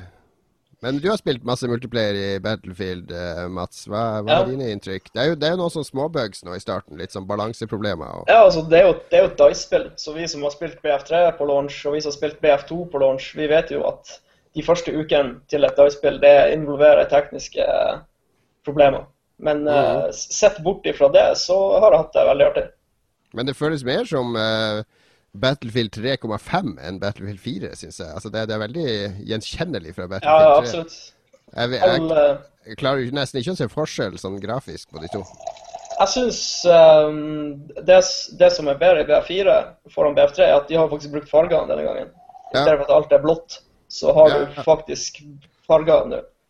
Mm. Det var jo ekstremt blått. Eh, all- Alle BF3-kartene, hele BF3, var jo bare et stort blåskjær. Så, eh, og visuelt eh, også syns jeg kartene er en del bedre. Det Paracel Storm og de her. Mm. Ja, det, det, er veldig Når, eh, kule når stormen kommer rullende inn over der, så er det vanvittig rått. Det er veldig kule kart.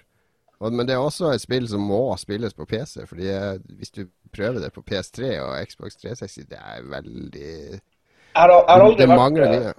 Jeg har aldri vært en sånn FPS-mann på konsoll. Jeg har spilt Halo 1 på konsoll, og da, der sugde jeg. Fordi jeg har spilt eh, Siden Wolfenstein har jeg spilt med Eller ikke Wolfenstein, men siden eh, Quake kan vi si, har jeg spilt med mus, mus og tastatur. Og det er så inngrodd i armene mine at eh, Det, er, det går fint an å lære seg Golden Eye og ting. Det er mange bra Jeg husker, jeg husker Golden Eye nede i kjelleren til han, eh, Lars, faktisk, når du sier det. Nei, det, det, Men går, da, det da, må må jeg jo, fint. Da må jeg jo investere hundretalls av timer for å være ja, det går fint, men det, men det er ikke det som er problemet med, med Battlefield på konsoll. Det som er problemet, er at det er en sånn veldig nedstrippa versjon. Fordi du har ikke de her 64 spillerne. Og du Hvor mange de spillere har du på konsoll? Det er vel 32, tror jeg, hvis jeg husker rett. Så 16 på hvert lag? Ja. Eller 24, jeg husker ikke. Ja, jeg har- stort sett, eh, konsoll. Men det blir ikke det samme. eh, Du, du får ikke detaljnivået det der når du, du, får, du ser ikke fiendene like lett i horisonten. Du har ikke den samme innlevelsen. Så det, det blir en sånn fattigmannsversjon av, av Battlefield. Men PS4-versjonen er visst veldig bra, men jeg har ikke prøvd den. Så vi får se om den holder mål mot PC. Ja, det gjenstår å se. Og den, vil den slippes på release ved PS4, eller? Den slippes på lanseringa, og den er vel også, så vidt jeg vet, spillbar på SpillExpo, som er skåra stabel den åttende nå. Fortell meg mer om SpillExpo. Hva, har vi flere spill vi skal ta opp? Jeg har, eh, jeg har begynt på nye Professor Laton, men det sparer vi til neste gang, for jeg har akkurat begynt. Uh, Mats, du har spilt Warframe. Er ikke det noe som kommer til PS4? Jo, Warframe tror jeg du blir like, Lars. Eh, For du spilte en del uh, multiplayer til Mass Effect 3. Ja. Ja, Yes, jeg, veldig mye. ja, Warframe minner litt om det. Det er free to play. Kan lastes ned på Steam i dag. Uh, Du spiller en ninja i verdensrommet, og slåss mot eh, masse bad guys. Det er liksom, Du har mange forskjellige karttyper. Eh, du har eh, hvor du skal overleve lengst mulig, utslette en base. Og så er det opp til fire spillere på lag. Så har du de her Warframene er jo den ninjaen du spiller, da. Så du har jo forskjellige typer warframes. Du har noen som er litt mer brute force, du har noen som er litt sånn sneaky. Så har du skytevåpen, du har sverd, du har kastevåpen, du har eh, special abilities, og så har du levels og masse greier. Og så har de eh, inni det hele så har de en sånn morsom collectable eh, card-aktig minigame, hvor alle, alle abilities du har, og alle eh, modifikasjoner til våpen får du i form av kort, så du setter inn i våpnene og i warframen din. Så det er veldig sånn samle, samlevennlig og utrolig artig. Sikkert spilt det en eh, 60-70 timer. Veldig bra. Jeg gleder meg til eh, Mass Effect 3 er så gammelt at jeg kan ta det i retrospalten. Men det høres, eh, det høres, det høres ganske likt ut, da. Det gjør det. Jo, jo det, er, det er absolutt eh, likt, og jeg tror du kommer til å gjøre seg bra på PS4. Jeg slutta å lytte når du eh, sa at det var Ninja sin Space. Så det, ja, men det er litt artig. eh, Altså, Sett bort ifra alle gimmickene, så har de Det er utrolig eh, smooth spill. Eh, Du kan, eh, du kan gjøre veldig mye akrobatikk eh, som, som tar lang tid å mestre. Springe langs vegger og hoppe opp fra vegg til vegg til vegg opp 100 meter. og så, ja, Det er utrolig mye småting som, som dukker opp etter hvert. Warframe, altså. Warframe. Glimrende. Jeg visste veldig lite om det, så det var eh, awesome. Det er bra innføring. Jeg skriver det opp på eh, to do-lista mi. Ja da, ut. Etter, jeg- etter jeg er ferdig med den der møkkamessa Nei, messa til helga. Fordi jeg føler du eh, trenger relief for etter å ha jobba så mye med det. Eh, hva det holdt det for spill for denne gangen? Jeg kan si jeg har spilt Det er ikke et spill, men jeg satt her om kvelden, så var jeg, orka ikke å spille noe, og så satt jeg med Steam. Og så begynte jeg å se på hvilken level jeg var, og hvilken level andre var. Og så, og så begynte jeg å prøve å gjøre sånne ting for å få mer oh, poeng. Og så så jeg jo eh, at eh, de trading-cardene de kan man jo drive og kjøpe, da. Så jeg kjøpte faktisk sånne kort til, til uh, Teleglitch og, eh, og et annet spill. Jeg, bruk, jeg, brukte, jeg brukte 80 eurocent på å kjøpe seks-syv sånne kort, som jeg kunne cashe inn i badger da, og få XP. Det var veldig tilfredsstillende å kjøpe sånne kort. Og så se, det er så kjempefin animasjon der de kortene samles sammen inn i en sånn sirkel, og så blir det en badge. Så det kan jeg absolutt anbefale å bruke en tier på. Du får en tier, så får du deg kjapt to badger. og Det får du deg litt XP. Det er et lite spill i spillet. Det er spill for spillegale. Det er, det er kanskje det. Men jeg, eh, det er artig. Artig eh, å lage sånn community. Det er veldig mye som skjer i bakgrunnen hos Lars her. Er du klar med quizen, Lars? Ja, ja. Hvis ikke Mats skulle si noe, Gutt, det gullpoenget jeg følte du skulle ut med her. Nei, jeg skulle bare si at jeg var også inne på det her eh, Steam-card-kjøret i sommer. Jeg hadde intern konkurranse med en venn av meg som som en dag var han over my level, og så kjøpte jeg 50 kort, og så gikk jeg opp tre levels, og så gikk det sånn. Men så oppdaga han at jeg jobba i oljebransjen, så da stoppa det etter en stund. Det er lett å bli hekta når du først begynner å cashe inn de kortene. Det er kjempeartig. Jeg har, jeg har som mål at en vakker dag så skal jeg ha eh, badge til alle spillene her på Steam. Men det, da må jeg vinne i Lotto først. Det er bra å ha langsiktige mål. Quizmasteren.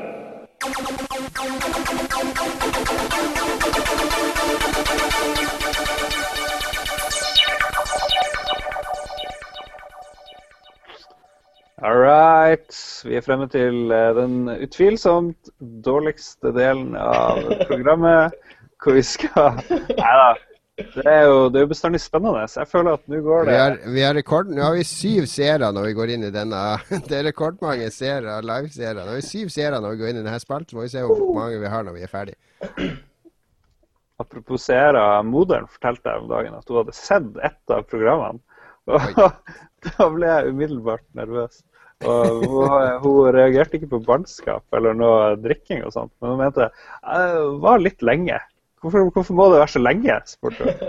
Eh, Så jeg måtte jo fortelle om Giant Bomb sine podkast som varer i tre timer. Så Vi er jo heldigvis ikke halvparten av det. da. Vi skal prøve å holde oss under én time, eller på én time. Nå tror jeg vi er over tida allerede, så kjør på med quizen.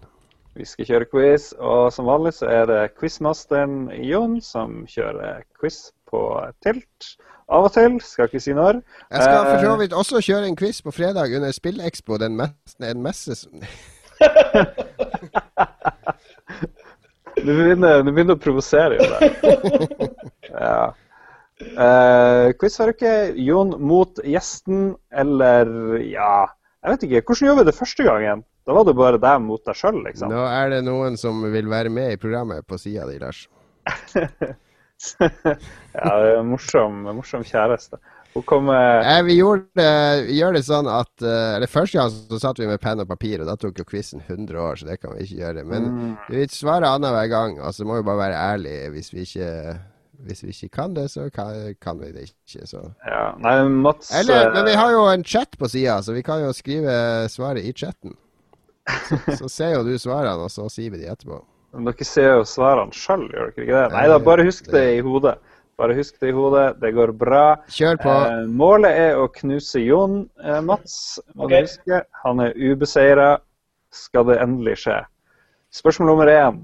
Det går til eh, Mats først, utfordreren. Hvem står bak Arma-ekspansjonen DayZ? Eller DayZ? Hvordan uttaler man det der, egentlig? Jeg vet ikke. Det er ikke spørsmålet. Day, day set. DayZ.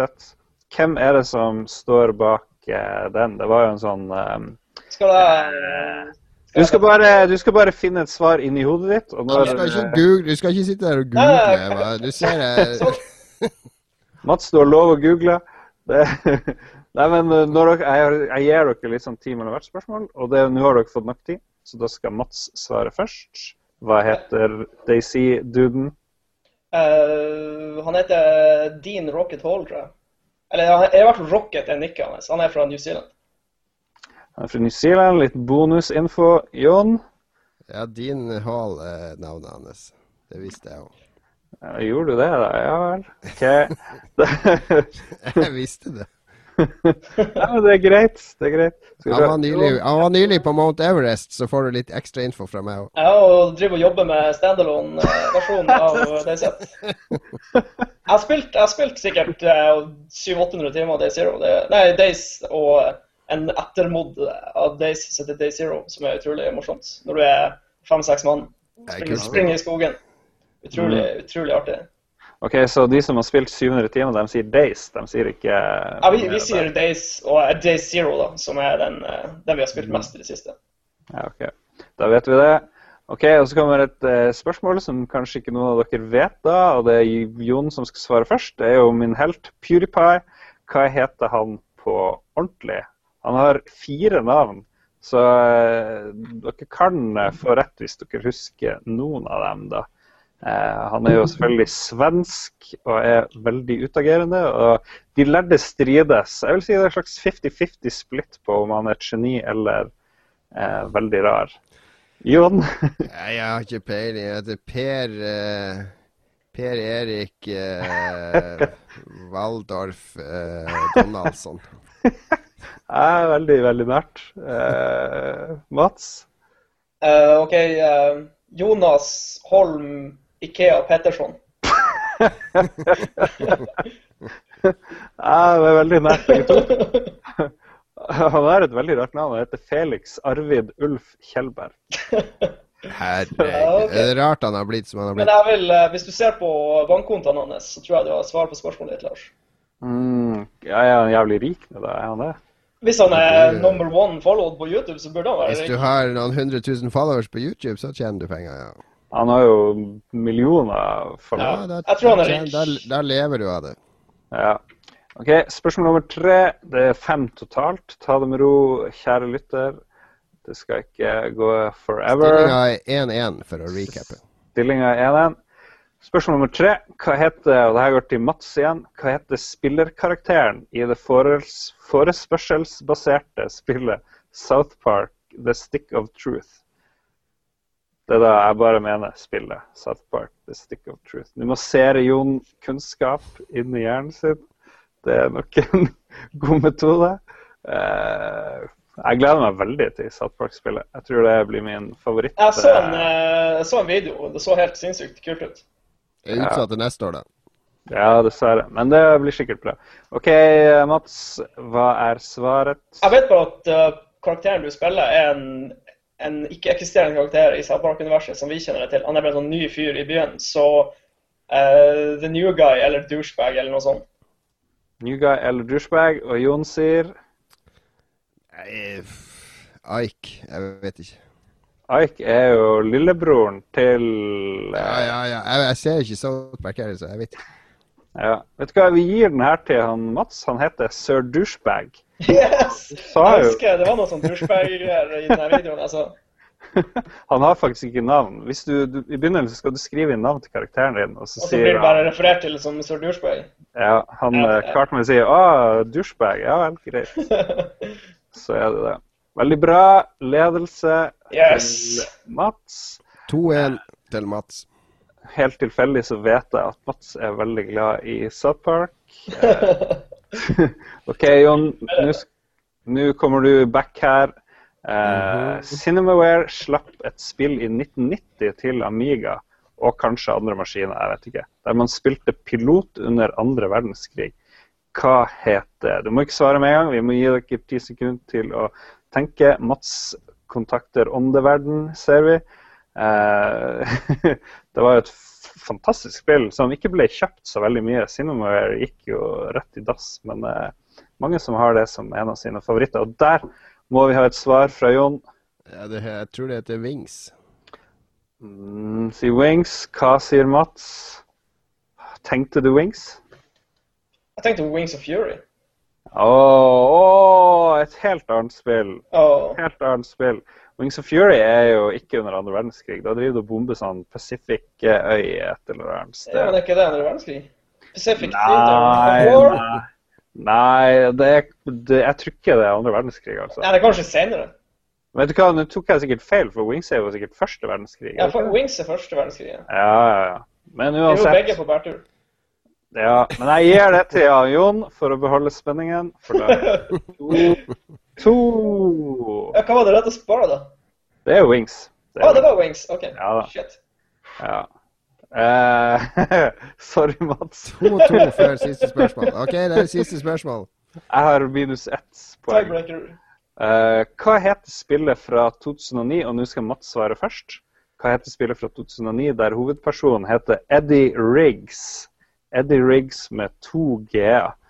Um, jeg vet ikke hvor mye hint jeg skal gi. Det er en viss kjent person som har stemmen til Eddie Riggs. Og der Ja. Er du på sporet, Mats? Nå må du svare. Uh, fuck. Eddie Riggs Nei eh, jeg, jeg tenker det spillet med Jack Black hvor han spiller sånn rocker. Men eh, nei, jeg har ikke peiling. Jeg husker ikke hva spillet heter heller. Så Ja, det er brutalt. Hva sier du, Jon? Brutal Legend. Ja.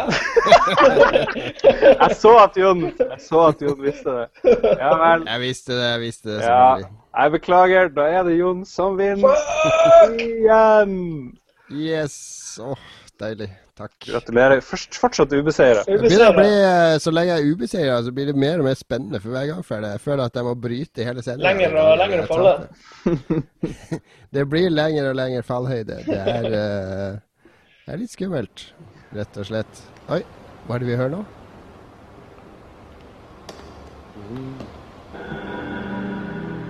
Oi.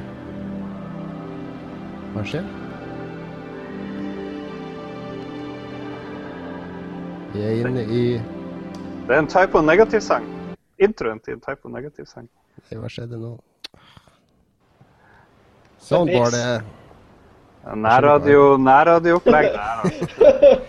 En liten teknisk glipp her på Radio Harstad. Vi eh, kjører melodi nok en gang.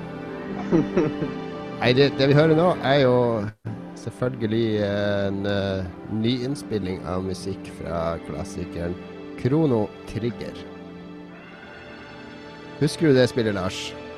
Jeg husker Jeg tror jeg så mest at Jabba spilte det. Vår venn eh, Espen, tror jeg. Det, Ja. det, det er mine første minner fra det spillet også. Er vi satt oppe på Sogn studentby inne i rommet til Espen.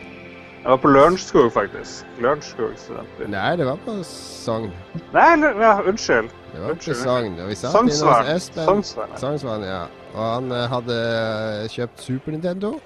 Og fra en dude i Funcom så hadde han fått kjøpt en sånn der eh, kopiboks til Super Nintendoen, så du kunne ha oppi cartridge-slotten, så at du kunne ha spilt på disketter, så du lasta ned fra nettet. Og et av de spillene som han spilte der Så vi var, vi var jo PlayStation-fans på den tida her, eh, Lars. Vi hadde jo kjøpt PlayStation. Og så satt vi også og han spilte det her og Final Fantasy og andre fantastiske japanske rollespill. Og vi var jo så irritert for at det ikke fantes sånne spill på PlayStation. Hvorfor, hvorfor var alle de der dritkule spillene på Super Nintendo og ikke på PlayStation? Men, men Det vitner om god smak for å jobbe da. Det gjør jo det. Irriterende nok.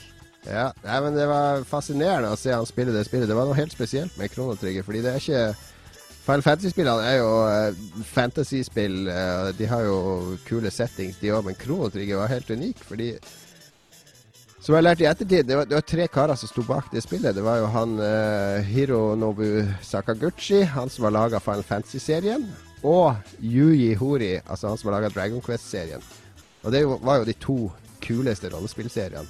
Og de to samarbeida da sammen med han Akira Toriyama, som jo var, var tegner og artist som har jobba med Dragon eh, Quest og Dragon Ball. Og resultatet ble jo Altså, det spillet har en sånn utrolig fargerik og fin grafikk. Du styrer Krono, da, som er en ung gutt med rødt hår, som skal på et stort sånn Millennium Fair, eller hva det heter. En sånn fest i landsbyen sin. Og der er det noen som har en tidsmaskin som ikke funker helt. Og så blir eh, venninna til, til Krone det vel, blir vel frakta i tid, og så må han følge etter for å redde henne. Og det er liksom starten på et eventyr der du hele tida befinner deg i samme verden, men du reiser tilbake til fortida, helt tilbake til, til, til liksom dinosaurtida, og langt inn i framtida når verden er ødelagt. Og det, det, det syns jeg var ganske unikt, fordi det var Du fikk se du fikk se verden fra så mange forskjellige vinkler. Du fikk se konsekvenser av det du gjorde i fortida, hvordan det påvirka framtida.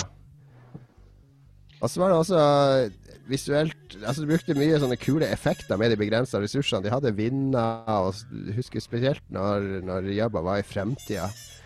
Og gikk rundt i sånn robotverden med, der det bare var snøstorm konstant, og du skulle gå med fra sånn dome til dome. og Utrolig stemningsfullt og, og pent. Vi må ha jobba som gjest, faktisk. Det er, ja, Han må være gjest en eller annen gang. Men Kronetrigger står for meg som kanskje selve pilaren for de japanske todimensjonale rollespillene. Det, det, det, rollespillet som, som innfridde alt som kunne innfris i sjangeren. Fordi det var så levende og lekende og og kasta mange Mye av det tunge Det er mye sånn tungsinn i Final Fantasy-spillene, men det, det mangler du liksom her. Så det er, det er ukens klassiker som er vel verdt å sjekke ut. Og den ble vel gjenutgitt på DS også. Så det, det er alle muligheter til å spille det på nytt. Når spilte du det, da? Jeg kjøpte jo den der eh, boksen hos, eh, hos Jabba når han ble lei av. Ja, Jabba, Jabba blir jo alltid lei av ting etter et halvt år, så da står jeg gjerne klar til å plukke de opp. Så jeg har kjøpt både TV-er og spillkonsoller og andre ting fra Jabba. Så jeg kjøpte jo den boksen hos han, og da hadde jeg jo Da spilte jeg jo alle de Super Nintendo-klassikerne. Fikk jeg jo tak i når jeg hadde den. Så da runda det når jeg hadde den. Jo, ja. Jeg husker noe Super Bomberman eller et eller annet. Det må ha vært på din, eh, din Ja, det modda, modda SNES der. Ja. Nei, jeg må innrømme jeg har aldri spilt eh, Chrono Trigger. Men når jeg hører musikken her, sånn, så får jeg jo kjempelyst til å, å få det. Så du DS? Finnes på DS. Jeg har det liggende på DS. Du får tak i det på eBay sikkert på DS, for uh, det ble trykt i greit opplag, så jeg tror ikke de koster all verden. Men du vil ikke ha noe remake? Det var, det var en sånn halvveis remake den på DS fordi de brukte noen nye funksjoner på den touchscreenen. men ellers så var spillet Spillet var akkurat sånn som det var. Du kunne spille det i vanilla mode òg, tror jeg. Så. Og jeg ser jo også her på Wikipedia at det er jo også gitt ut på IOS og Android, så det har jo alle muligheter til å spille det da. Nei, det, det er ikke det samme å spille det på noe IOS-greier. det- No way. Men Jon, eh, det er spørsmålet du bestandig stiller. Men hvorfor er det her spillet bra? Nei, jeg tuller. Nei, du sa, jeg sa jo det. Det er jo det er, det er pinnacle of uh, alt som eh, var bra med, med JRPG. Og, og ikke minst så har det minneverdige hovedfigurer, fordi ofte i de her eh, japanske rollespillene Så jeg vet at han Øystein Furuvik, som er eh, JRPG-anmelderen for gamer, han hater når uh, spilljournalister omtaler japanske rollespillhelter som emo. Men det er ikke til å stikke under en stol at det er mange av disse rollespillheltene som fremstår som veldig full av eh, tungsinn og tunge følelser. Og det, det mangler du veldig i Kronotrigger. Du har en frosk, du har uh, en oppfinnerjente. Altså, de har veldig personlighet, alle hovedpersonene. Det liker jeg godt. Mhm. Ligner det litt på Det kommer jo akkurat på eh, virtual console, eller hva det var, på VU, det her eh, Earthbound. Det er jo òg veldig lite emo. Ja, det er jo eh, det, er- det, er det er Chrono Trigger og Earthbound som er mine favorittrollespill fra Super Nintendo-æraen. Så de, er det noe sammenheng der, på noe vis, i det hele tatt? Bortsett fra at de er utradisjonelle. Ja Nei, det er jo at de er litt originale og overraskende og har egne settings. Ikke bare Mm. går seg vill i den Tolkien eller Star Wars-mytologien.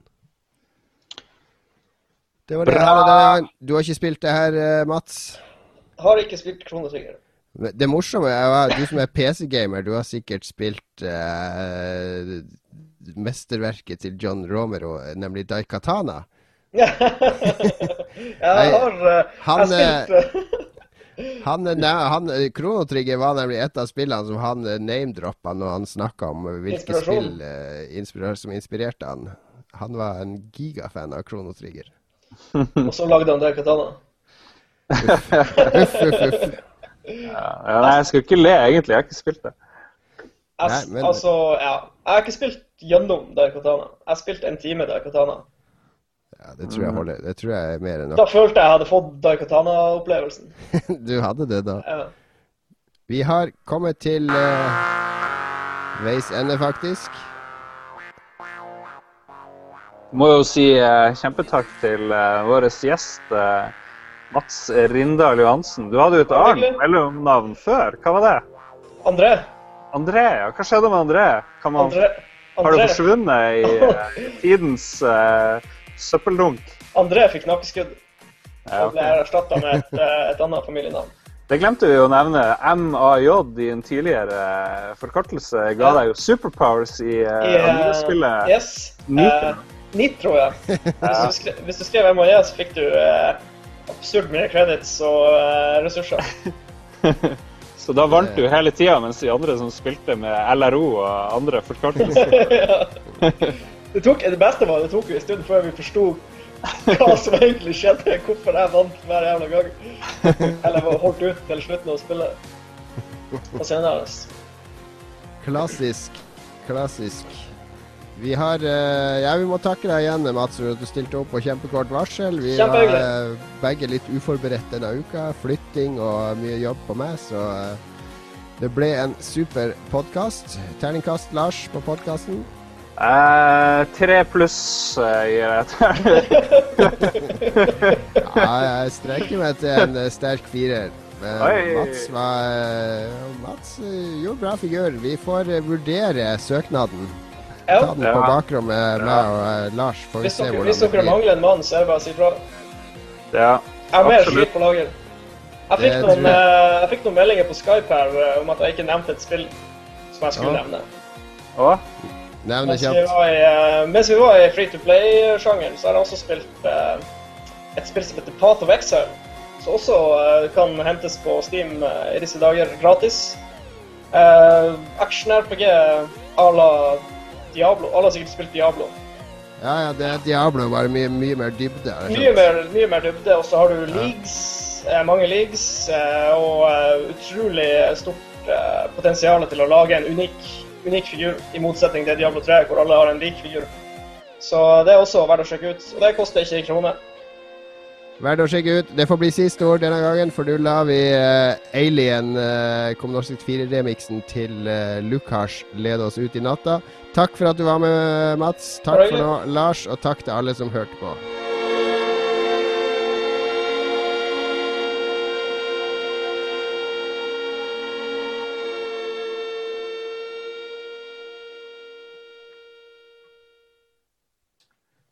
Har du et enkeltpersonforetak eller en liten bedrift? Da er du sikkert lei av å høre meg snakke om hvor enkelt det er med kvitteringer og bilag i fiken, så vi eh, gir oss her, vi. Fordi vi liker enkelt. Fiken superenkelt regnskap.